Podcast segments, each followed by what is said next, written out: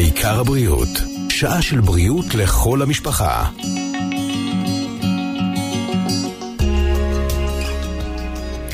מי מאיתנו לא נתקל בקבוצת הוואטסאפ המשפחתית בהודעה בסגנון למי יש טיפות עיניים להשאיל לי? או אפילו העביר ככה עם המלצה חמה משחה אנטיביוטית שנשארה לו לחבר עם דלקת בעין. איתי הבוקר באולפן דוקטור לי גולדשטיין, מנהלת מחלקה פנימית ג' ופרמקולוגית קלינית במרכז הרפואי העמק, כדי להסביר לנו על שימוש נכון בתרופות וממה עלינו להיזהר. בוקר טוב, דוקטור גולדשטיין. בוקר טוב. תודה שהצטרפת אלינו. לפני שנתחיל, אנחנו גם נודה לעוסקים אה, במלאכה, לרומק איתנו כאן על הביצוע הטכני באולפן. יניב שוורץ על הפיקוח, אנוכי דפנה אכטלנדסמן. אני מזכירה לכם גם שהוואטסאפ שלנו פתוח לשאלות שלכם, 052-500-9696.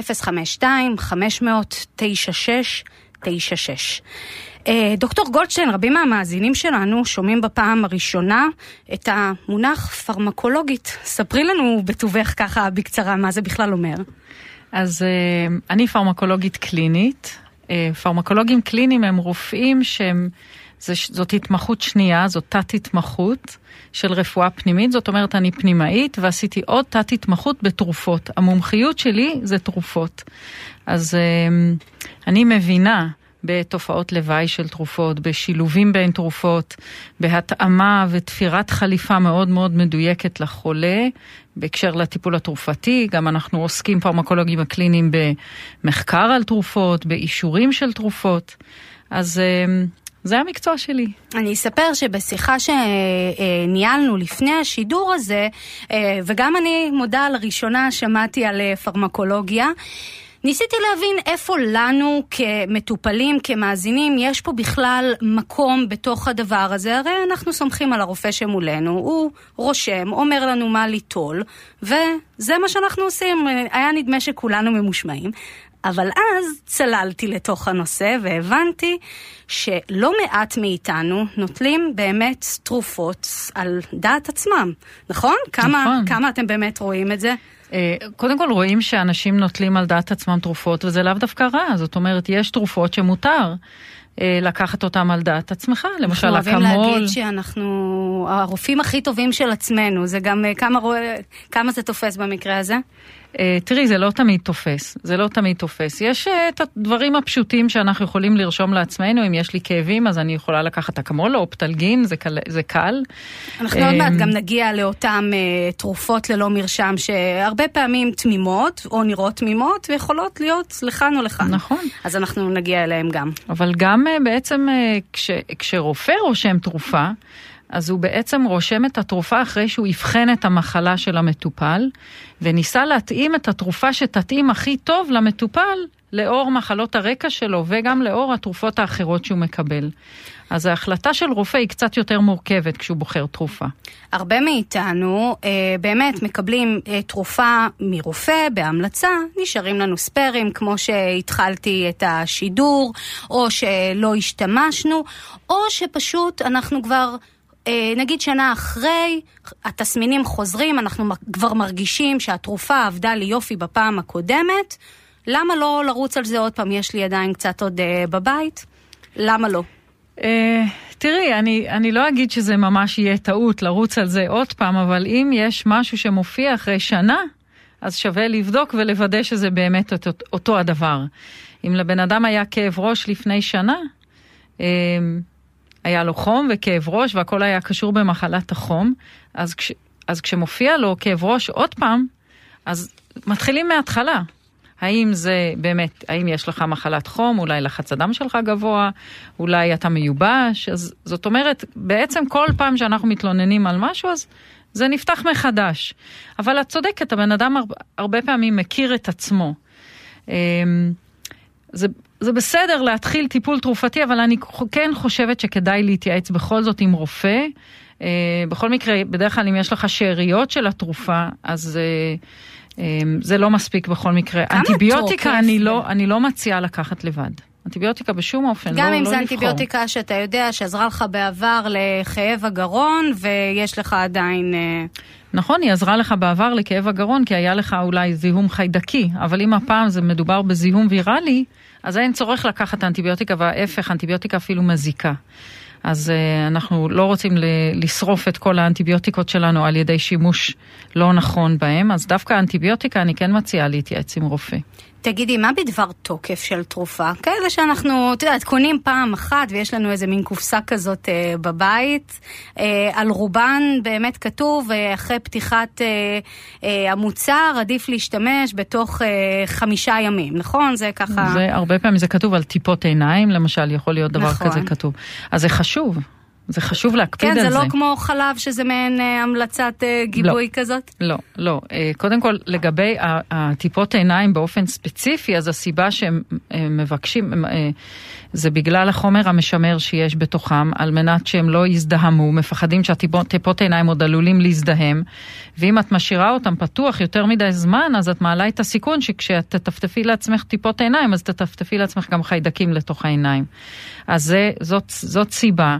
אמ, התוקף של התרופה זה חשוב, כי אם התרופה מתקלקלת, אמ, אנחנו בעצם לא יודעים מה יש בתוך התרופה אחרי שפג תוקפה. האם החומר הפעיל עדיין פעיל, האם החומרים שהם לא פעילים כבר נהפכו לפעילים. אז אני מציעה לא להשתמש בתרופות שפג תוקפן, וההפך, מדי פעם לעשות סדר בארון תרופות ולהסתכל מה שפג תוקף. אחסון באמת, נכון, תרופות בבית, במקרר כדאי uh, לאחסן? אז צריך להסתכל לכל תרופה, יש את ההנחיות איך לאחסן אותה. יש באמת תרופות שצריך לאחסן במקרר, ומרבית התרופות צריך לאחסן בארון, ב... בטמפרטורת החדר, בוא נגיד רוב התרופות, אבל חייבים לעשות לפי ההוראות, כי באמת ההוראות האלה שומרות על החומרים הפעילים, פעילים.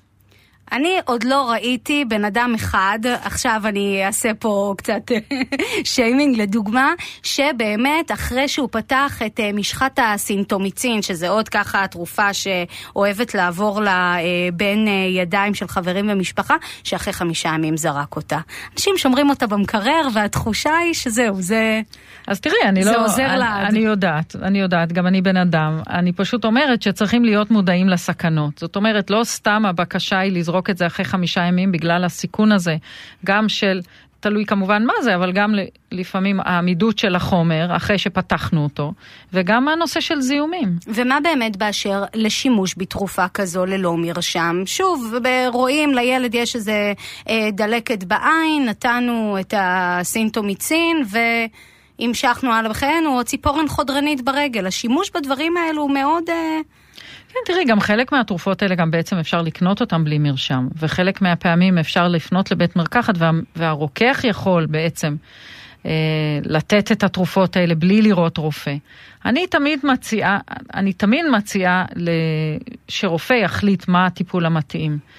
אה, אבל אני לא יכולה להגיד שאם יש לך משהו בבית ואת מרגישה שאת יודעת מה את עושה, אז האחריות שלך. זאת אומרת, את יכולה להשתמש בתרופות, אה, מה שיש לך בבית. אני באמת מציעה להתייעץ עם רופאים בקשר לטיפול תרופתי. אז אני מניחה שבתרופות אה, ללא מרשם, שם אה, בכלל היד קלה על ההדק, וזה הרבה יותר אה, פרוץ ופתוח. ו... תקני אותי אם אני טועה, השכיחים ביותר, אני מניחה שזה שוב משטחי כאבים. נכון. אז בוא, בואי, בואי נחלק את זה קצת, כי הם כן מתחלקים לכמה קבוצות, אוקיי? מה זה, לפי החומר הפעיל בהם? כן. ספרי אנחנו לנו. מדברים, אנחנו, תראי, המשככי כאבים, אז יש לנו את המשככי, הם מתחלקים גם לפי אה, סוג החו, או, או עוצמת הכאב שהם מטפלים בו, וגם לפי סוגי החומרים שיש בהם. אה, אז מה שאפשר לקנות בלי מרשם של רופא, זה תרופות אה, מאוד מאוד פשוטות, כמו אקמול לדוגמה ואופטלגין, כולם מכירים את השמות האלה שהן הן תרופות מצוינות לכאבים קלים, בינוניים, אופטלגין אפילו אולי לכאבים חזקים, אה, אבל לפעמים זה לא מספיק טוב וצריך גם השפעה נוספת. אקמול ואופטלגין גם מורידים חום. אבל לפעמים צריך השפעה יותר חזקה מזה, וכבר פה אנחנו עוברים לתרופות שהן נוגדות דלקת. שגם אותם אפשר לקנות בלי מרשם של רופא בחלקם. אה, אנשים מכירים את התרופות האלה, גם אפשר לקנות אותם אפילו לילדים להורדת חום. מה שכן, אה, צריך לדעת שהתרופות האלה הן לא מתאימות לכל אחד. אז זהו, ממה צריך להיזהר? את נגיד אמרת אופטלגין, תרופה נהדרת. שוב, אנחנו לא רוצים אה, להכפיש פה שום מוצר, שום חברה. אופטלגין לצורך העניין, זוהי תרופה שאסורה כבר עשרות שנים לשימוש בארצות הברית, וכאן אצלנו בישראל היא אפילו ללא מרשם. נכון, את צודקת. ת, תסבירי לי ובעצם... את הנקודה הזאת, הפער הזה הוא, הוא הזוי. תראי, אני אסביר לך. ב... יש לאופטלגין יש תופעת לוואי מאוד מאוד נדירה ומאוד מאוד מסוכנת, אמ, שהיא פוגעת במח העצם. ונמצאו במחקרים שעשו לפני המון המון שנים בארץ שהתופעה הזאת, כמה שהיא נדירה בארצות הברית, היא מאוד מאוד מאוד נדירה באוכלוסייה שלנו בארץ.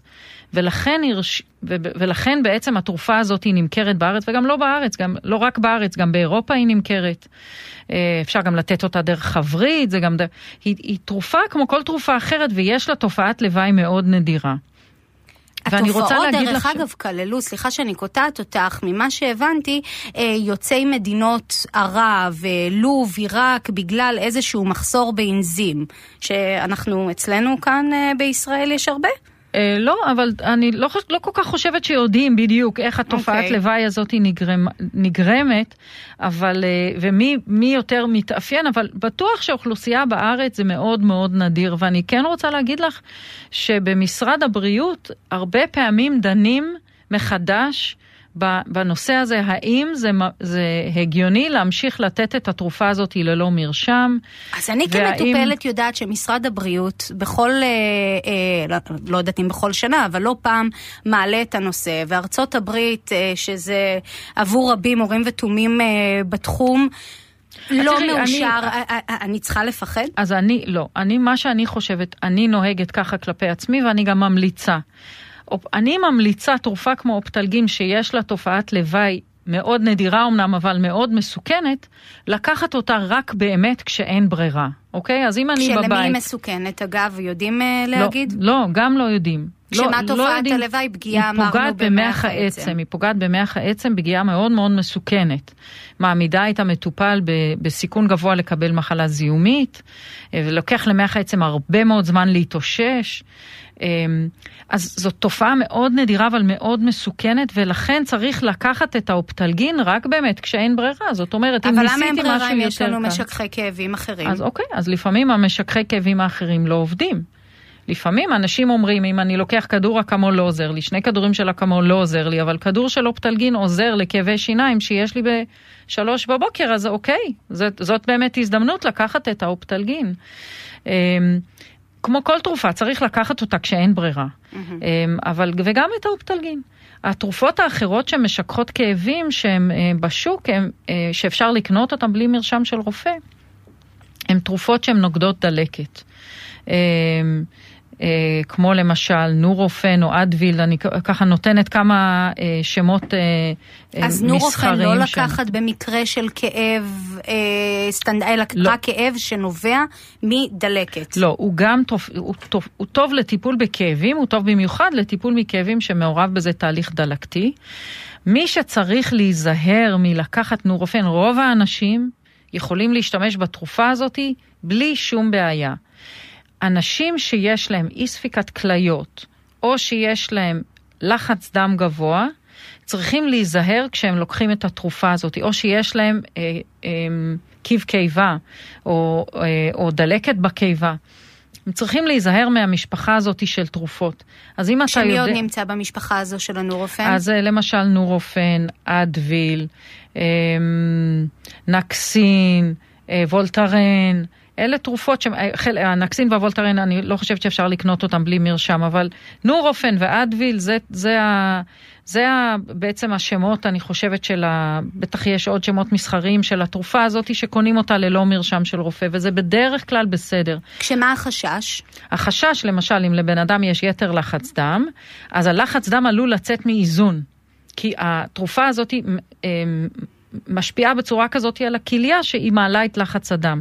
אותו דבר בן אדם שיש לו אי ספיקת כליות, זה יכול להחמיר את התפקוד הכלייתי. בן אדם שיש לו אי ספיקת לב יכול להיכנס להחמרה של אי ספיקת הלב, כי התרופה הזאת היא גורמת להגירה של נוזלים בתוך הגוף, שזה כמובן לא טוב לבן אדם עם אי ספיקת לב. אז לקנות תרופה ללא מרשם זה בסדר, אתה צריך להכיר את עצמך, והכי טוב, אני דווקא אומרת, אם אנחנו בבית מרקחת, לשאול את הרוקח. להגיד, תגיד, זה בסדר, אפילו שאתה יכול לבחור את התרופה מהמדף, להתייעץ עם רוקח אם יש לך מחלות כרוניות שאתה יודע עליהן. בעולם הזה נגיד של אה, אימהות, אני זוכרת שזה התחלק אה, ככה, אה, כאבים קלים פה ושם, אתה נותן נובימול לילד, ונורופן זה כשאתה צריך באמת חום גבוה ושהילד יישן לילה ארוך וטוב, ומצד שלישי יש את אותם אלה שאמרו לא לגעת בנורופן, לא להתקרב לנורופן, זו תרופה שלא מתעסקים, בטח לא עם ילדים. אז... אה, לא, ממש הפוך. אז אפשר להירגע. ממש להירגע. הפוך, אפשר לתת, אפשר לתת לילדים בריאים, אפשר לתת גם אקמול, שזה הנובימול, ואפשר גם לתת נורופן, אה, אפשר לתת אותם לסירוגן. באמת בנורופן צריך להיזהר עם המינונים יותר מנובימול? לא, צריך לתת את המינונים שמותאמים לילד, אבל אם לילד זה, הוא לא ילד בריא ויש לו בעיה עם הכליות, או יש לו יתר לחץ דם, או אי ספיקת לב, אז אנחנו... זה כן, אנחנו מדברים על ילד. באמת ילד בריא. ילד בריא, ו... אפשר, כשמשתמשים במינונים, אז אפשר, כן, בטח, אפשר להשתמש באקמול, אפשר לפעמים להשתמש פעם באקמול ופעם בנורופן כדי להוריד את החום. אז לא, לא צריך אה, לא. לפחד, וגם השם הרע שיצא לאדוויל ככה בשנים האחרונות בכל מיני קבוצות, לא צריך לפחד מזה. לא צריך לפחד, האם אתה בריא, אז זה אמור להיות בסדר גמור בשבילך, וזה הסיבה גם, דרך אגב, שמשרד הבריאות החליט, כמו הרבה אה, רשויות בעולם, שהתרופה הזאת היא מספיק בטוחה כדי לקנות אותה בלי מרשם, ושבן אדם יחליט על עצמו שהוא לוקח את הטיפול. זה הסיבה שזה בלי אגב, מרשם. איך קובעים אגב מה עם מרשם ומה בלי מרשם? אז, איך נעשית הבחירה אז הזו? הבחירה נעש, נעשית הרבה פעמים לפי האם בן אדם יכול לאבחן לעצמו את הבעיה, זאת אומרת שזאת בעיה רגילה שבן אדם יכול לזהות כמו כאבים.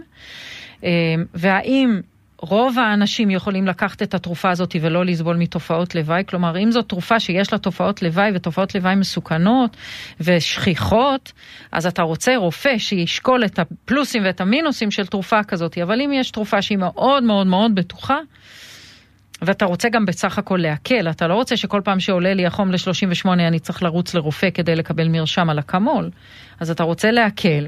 אז משרד הבריאות שוקל את זה, את הנושא הזה של הקלה, של הפחתת עומס על הרופאים, אה, מול הסיכונים שיש לזה שחולה לוקח לבד תרופות בלי, בלי להתייעץ.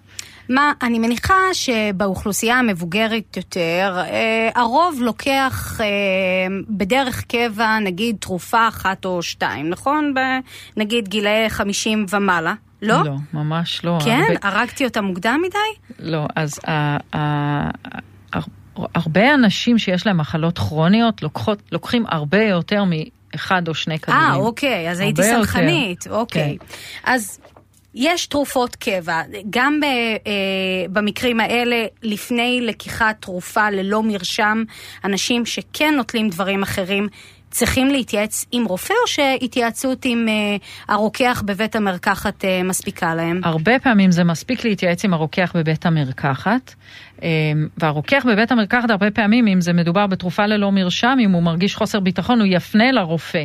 אבל רוקח בבית מרקחת יודע הרבה, אפשר להתייעץ איתו. כי אין תרופה שלא כתוב עליה מומלץ להתייעץ עם רופא, נכון? זה כזה מין משפט קבוע ש... אה, לא, לא, למשל באקמול כתוב אם אתה לוקח את זה לכאבים למשך יותר משלושה ימים, או להורדת חום, אז כדאי לך להתייעץ שזה הגיוני. אם... אה, אם אה, מדובר באיזה מחלה שלא חולפת כעבור כמה ימים, אז כדאי כן להתייעץ. איך באמת מנהלים טיפול באדם שסובל מכמה דברים שונים? נגיד, אה, הקרדיולוג רושם תרופה X בגלל אה, לחץ דם גבוה או אי ספיקת לב, אבל במקביל לאותו אדם יש גם בעיות אורתופדיות ויכולה להיות איזושהי התנגשות. איך מנהלים טיפול כזה? אה, בוא נגיד באופן, אה, אה, מה שאמור לקרות זה שכל רופא שרושם תרופה לאדם, אמור בעצם להתעניין בכל שאר המחלות, בכל שאר התרופות שהחולה לוקח, ובהתאם להתאים, להתאים לא, לא, לאותו מטופל טיפול תרופתי. פה נכנסת לתמונה מה שדיברנו עליו, נראה לי, בתחילת השידור, ש...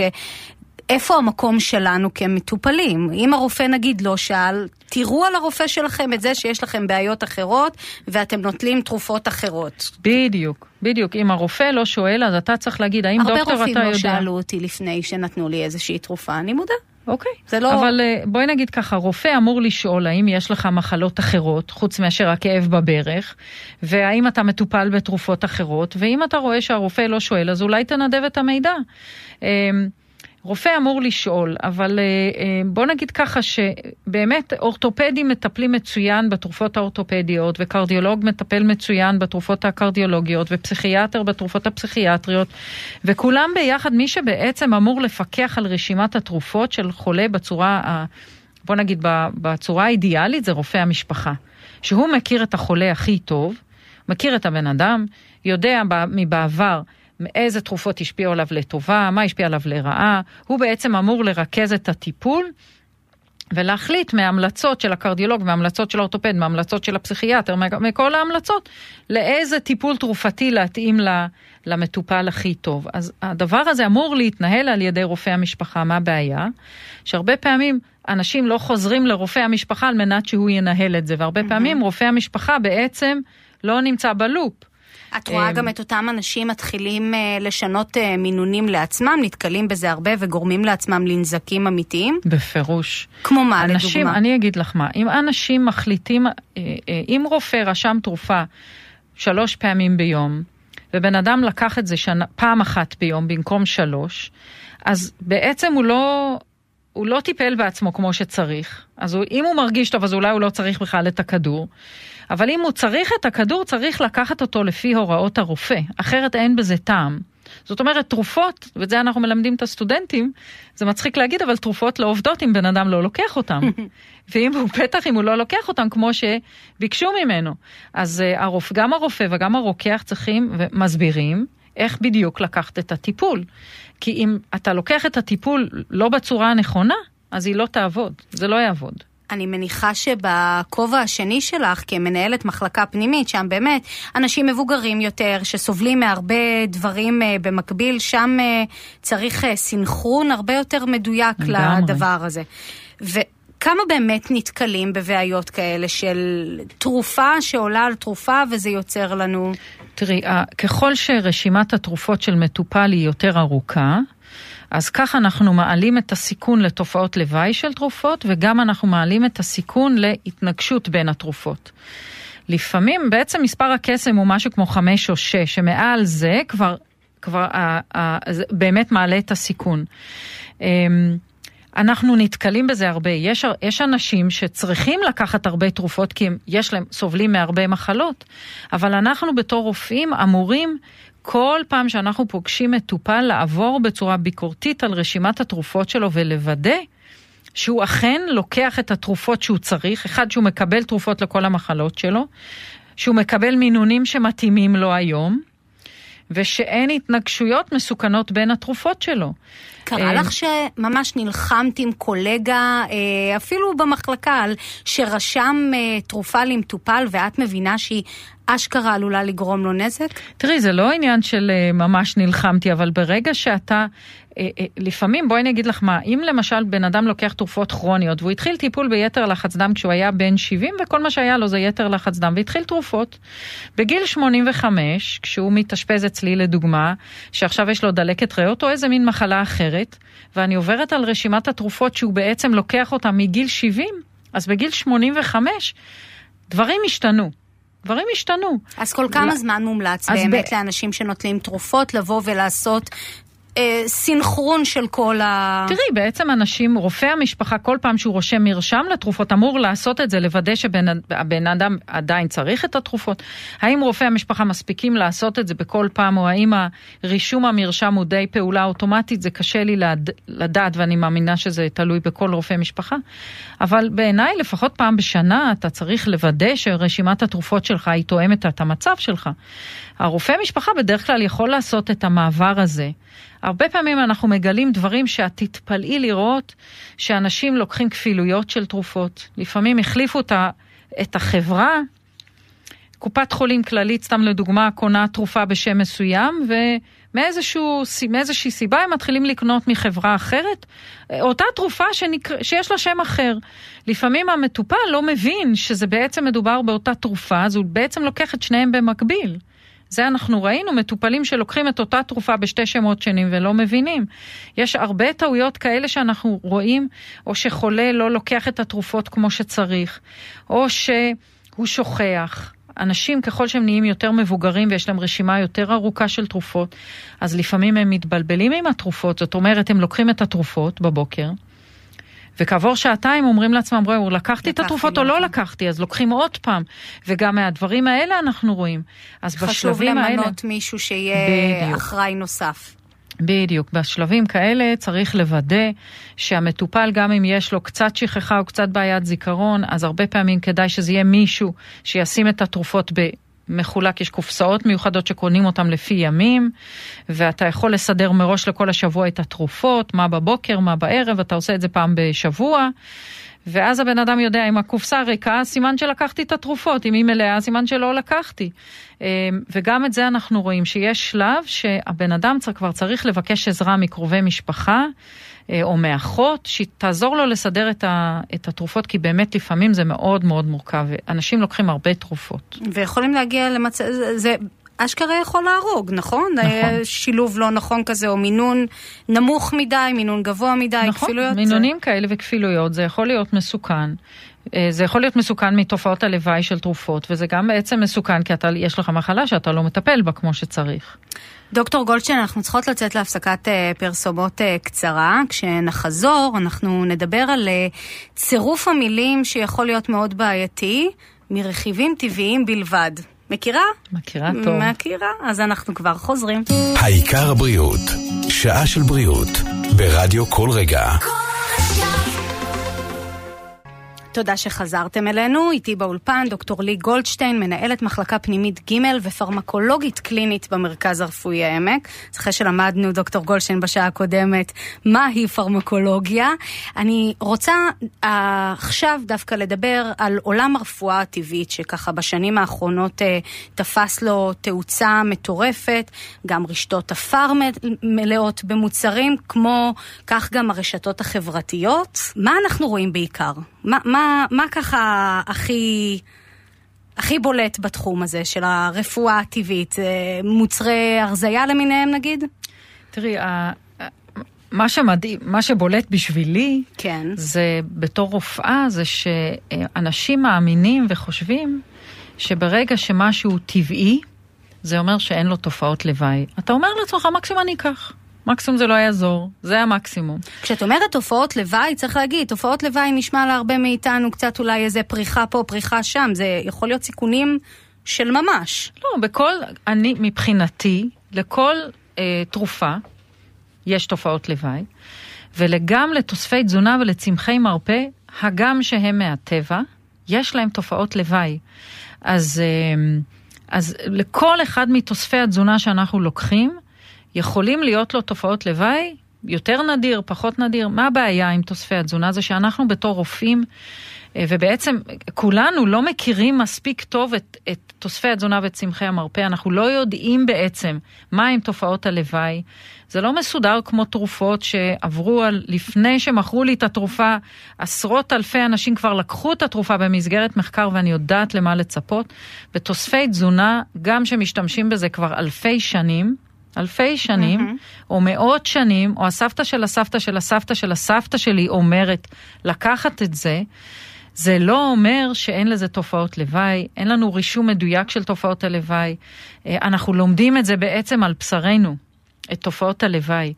אז דבר אחד, לתוספי תזונה ולצמחי מרפא יש תופעות לוואי, והן גם מתנגשות עם תרופות. מתנגשות ביניהן והן מתנגשות עם תרופות. להביא. אבל נגיד, שוב, אני מרגישה שאני נכנסת היום לאינסטגרם, כל האינסטגרם שלי מלא, או בגלולות, כולם מוכרות לי לשיער מלא לאחרונה. לא יודעת, אה, גם מרכיבים טבעיים בלבד, אתה לוקח גלולה בבוקר, גלולה בערב. מראות לך תמונות מדהימות, וכך גם עם הרזייה, הרזייה זה קצת יותר אה, אה, פופולרי. ממה כדאי להיזהר? מה צריך להסתכל? מכל מה שאת אמרת. אוקיי. כדאי להתרחק כמו אש. כמו אש? כמו אש. אוי ואבוי. אני ממש בשום אופן... אני מפחדת מהתביעה עכשיו. ממש, ממש מציעה להימנע בצורה מוחלטת מקנייה של כל נושא תוספי התזונה וצמחי המרפא, הדברים הטבעיים, דרך האינטרנט.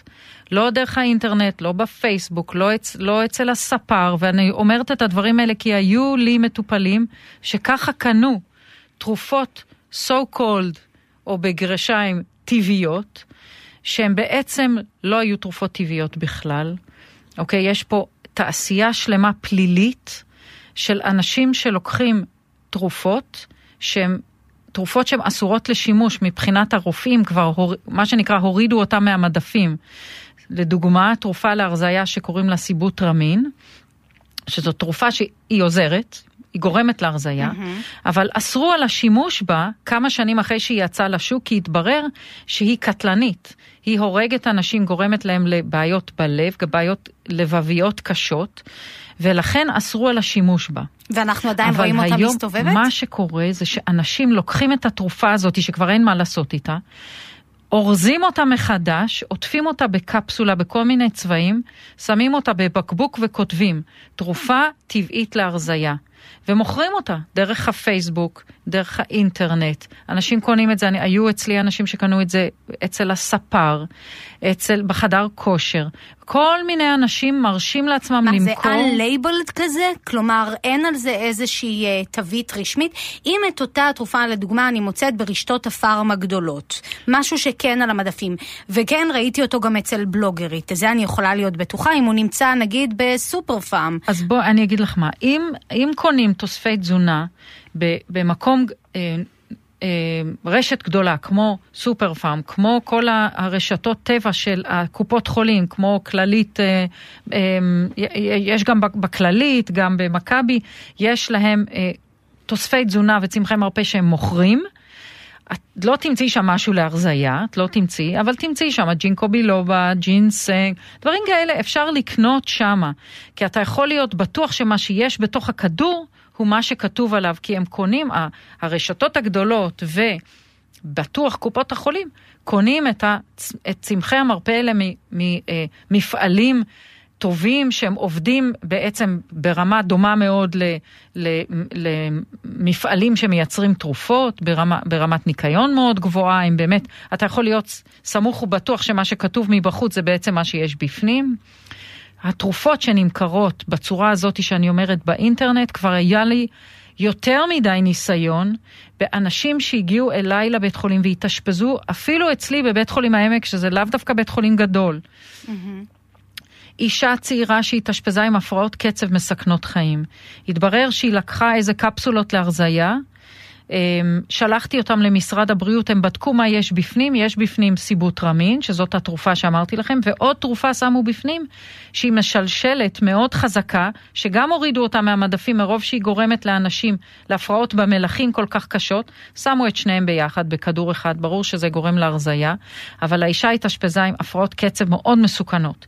אישה אחרת שקנתה את התרופה הזאת דרך הפייסבוק, התאשפזה עם אי ספיקת לב מאוד מאוד מאוד קשה, אישה בת 25. לא מצליחים אומרת, לאכוף את הדבר הזה? את מדברת פה על, כמו שאמרת, תעשייה פלילית. אז זאת לח... תעשייה פלילית, אז כל פעם שאני יכולה, אני כמובן שולחת את זה למשרד הבריאות, אגף האכיפה של משרד הבריאות פה, אה, אה, מצליח בעצם אה, להגיע למקומות האלה, למחסנים, ובאמת... הדברים שמוציאים שם זה תרופות להרזייה שמכילים, מוצרים כאילו להרזייה טבעיים שמכילים תרופות, תרופות לאין עונות. טבעיות שמכילות ויאגרה. עכשיו זה ממש מסוכן, יש אנשים שאסור להם לקבל ויאגרה. מי לדוגמה צריך להיזהר במיוחד? אנשים למשל שיש להם מחלת לב, הם לוקחים סוג מסוים של תרופות. אסור בתכלית האיסור לתת להם ויאגרה. עכשיו אם אתה קונה אתה לא יכול לקבל ויאגרה, אבל יש לך אין עונות, ואתה אומר, טוב, אני אקח משהו טבעי, ובסוף מוכרים לך משהו שהוא... אז אני מהדברים האלה מאוד מאוד מאוד חוששת, ויש לי כל... סיפורים מסמרי שיער על באמת דברים פליליים ש... שקרו. מישהי שיש לה רגישות לתרופות נוגדות דלקת, היה לה כאבי פרקים, נכנסה לחנות טבע ואמרה, מה יש לכם לדלקת? אמרו, יש לנו משהו טבעי. היא הגיעה אלינו לבית חולים עם תגובה אלרגית מאוד מאוד קשה. שלחנו... אבל היא קנתה את זה בחנות טבע מסודרת לא, כאן לא, בארץ ולא חנות... ב... אני לא יודעת, אבל העובדה שמכרו לה... אין שום לה... פיקוח על אותן חנויות? לא. אוקיי. לא, לא אין, אין פיקוח. גם אם כתוב על זה ברישיון של משרד הבריאות, קודם, קודם כל כל אחד יכול לשים את המדבקה הזאת, ובאמת האנשים שקנו את הדברים האלה באינטרנט, הכל היה כתוב ברישוי משרד הבריאות. ומשרד הבריאות בנושא של תוספי תזונה וצמחי מרפא, האישור שלו הוא שונה. זה, זה כמו מזון. בעצם הם מוודאים שאין שם רעלים, וזהו. לא, אף, החברה לא צריכה לבוא ולהגיד, התרופה שלי יש לה את היתרונות האלה והאלה, היא לא צריכה להוכיח שום דבר כמו שחברת תרופות צריכה להוכיח. אז הפיקוח הוא שונה. בעצם שההגדרה של החברה היא שונה, הפיקוח אה, משתנה הפיקוח בהתאם. הפיקוח משתנה לגמרי. זאת אומרת, אני יכולה להיות בטוחה ב-200 אחוזים, שאם אני לוקחת כדור של אקמול, יש בו בדיוק 500 מיליגרם של החומר הפעיל, בול.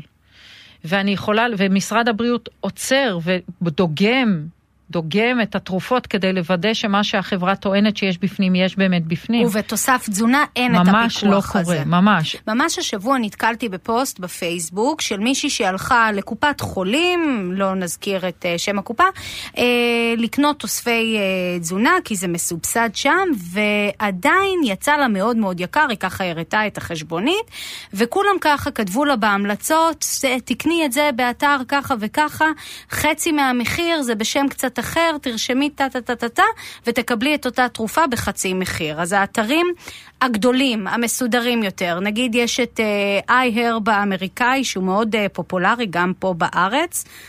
אני, צריך אני, לי... אני, אני הייתי נזהרת מכל הדברים האלה, מאחר, גם כשמדובר בתרופה. ברגע שאני מתייחסת לדברים האלה בדיוק כמו שאני מתייחסת לתרופה, אז גם תרופה אני לא אקנה באינטרנט, אוקיי? אם אני קונה תרופה באינטרנט, מי שם, איך אני יודעת איך התרופה הגיעה מאז שהיא יצאה מה, מהמפעל בספרד? איך זה הגיע אליי? כמה זמן זה היה בשמש? האם זה היה בתנאים הנאותים? האם זה נשמר בתנאים נאותים עד שזה הגיע אליי? אה, אני בבית שומרת על התנאים הנאותים, אבל מה קרה כל הדרך?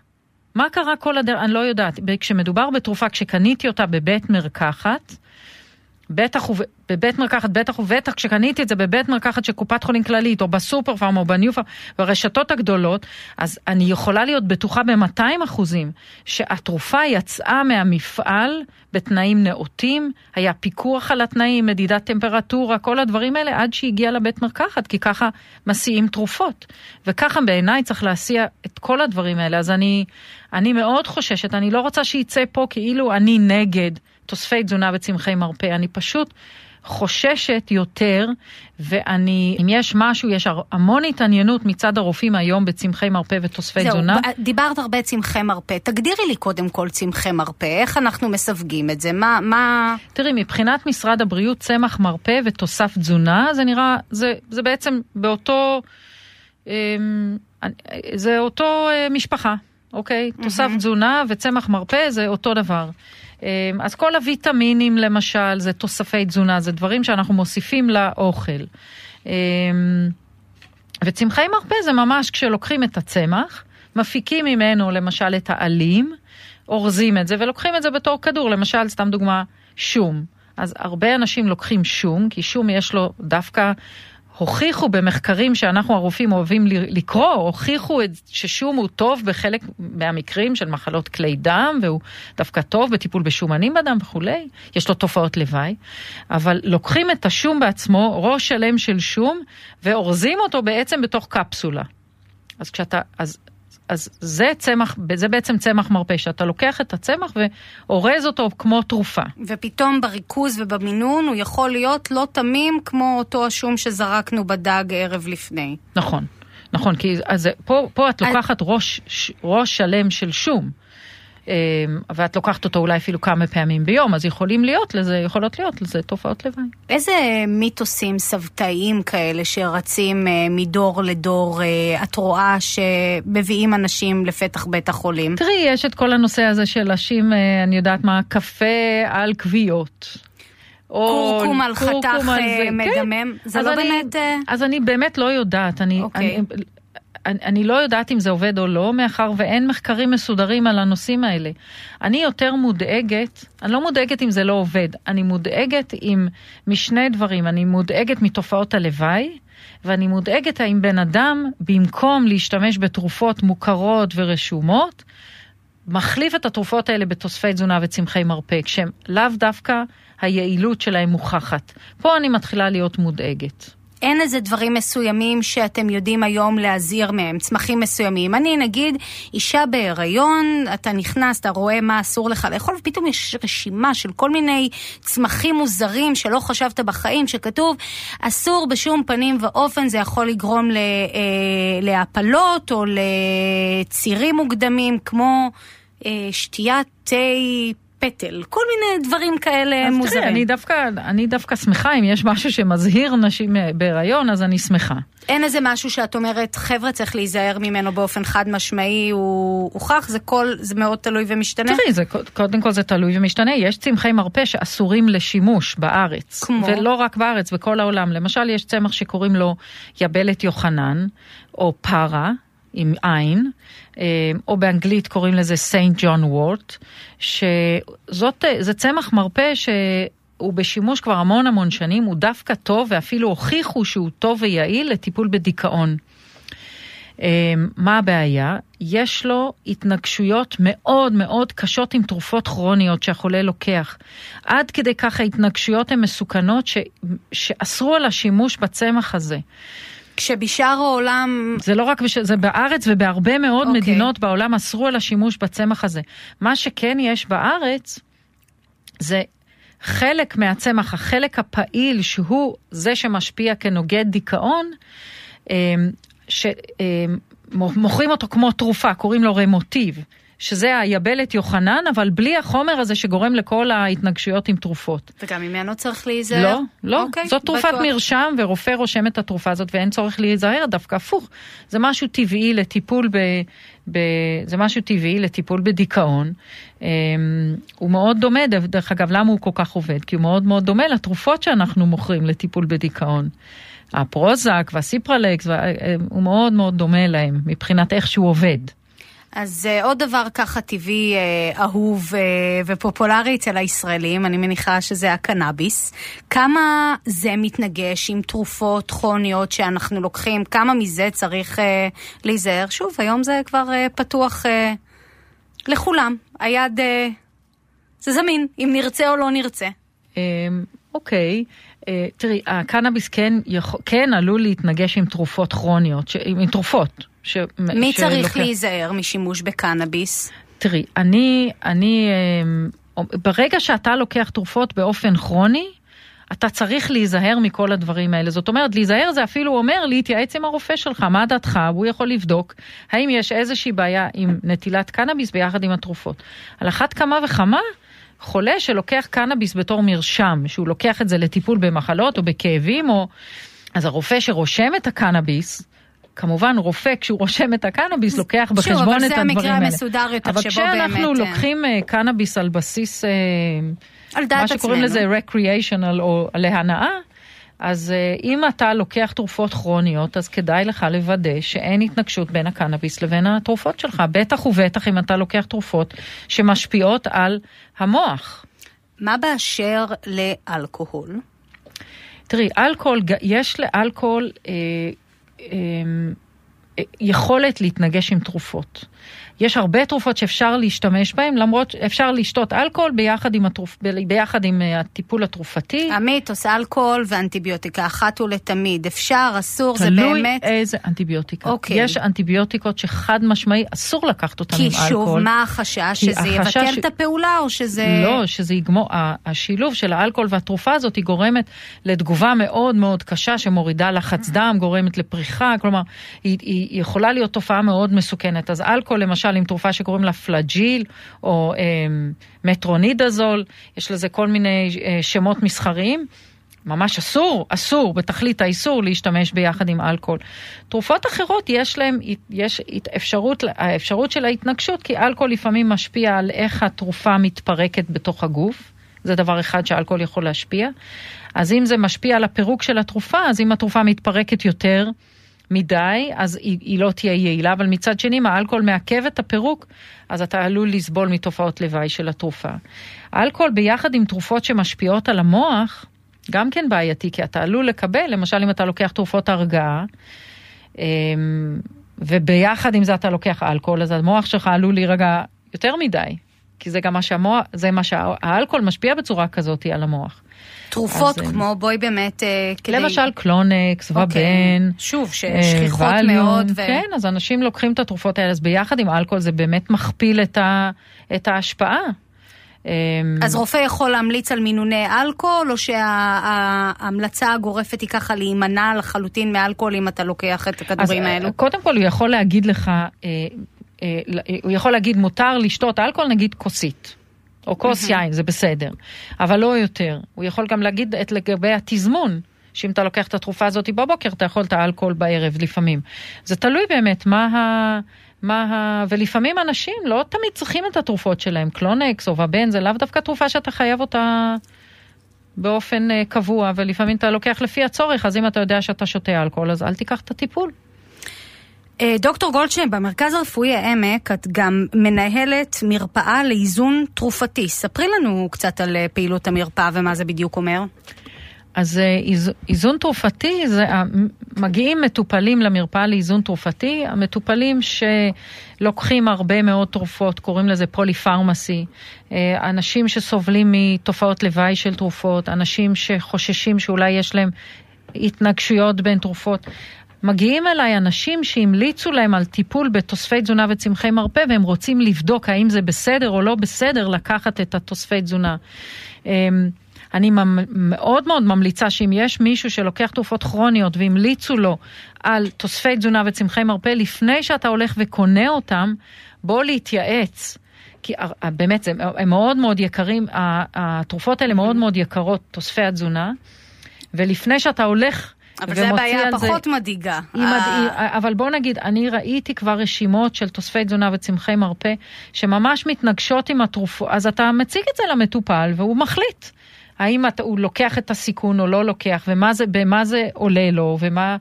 אה, לפעמים זה סיכון סביר, לא תמיד אה, תופעות לוואי זה משהו שגורם לנו לא, לא לתת את הטיפול. ולפעמים בפירוש, תראי, הרבה אנשים אונקולוגיים מתייעצים ומקבלים רשימות ארוכות של תוספי תזונה וצמחי מרפא. הרבה פעמים אנשים שאני לא יודעת מה ההכשרה שלהם, והרבה פעמים מתברר שהתוספי תזונה האלה מתנגשים עם הכימותרפיה.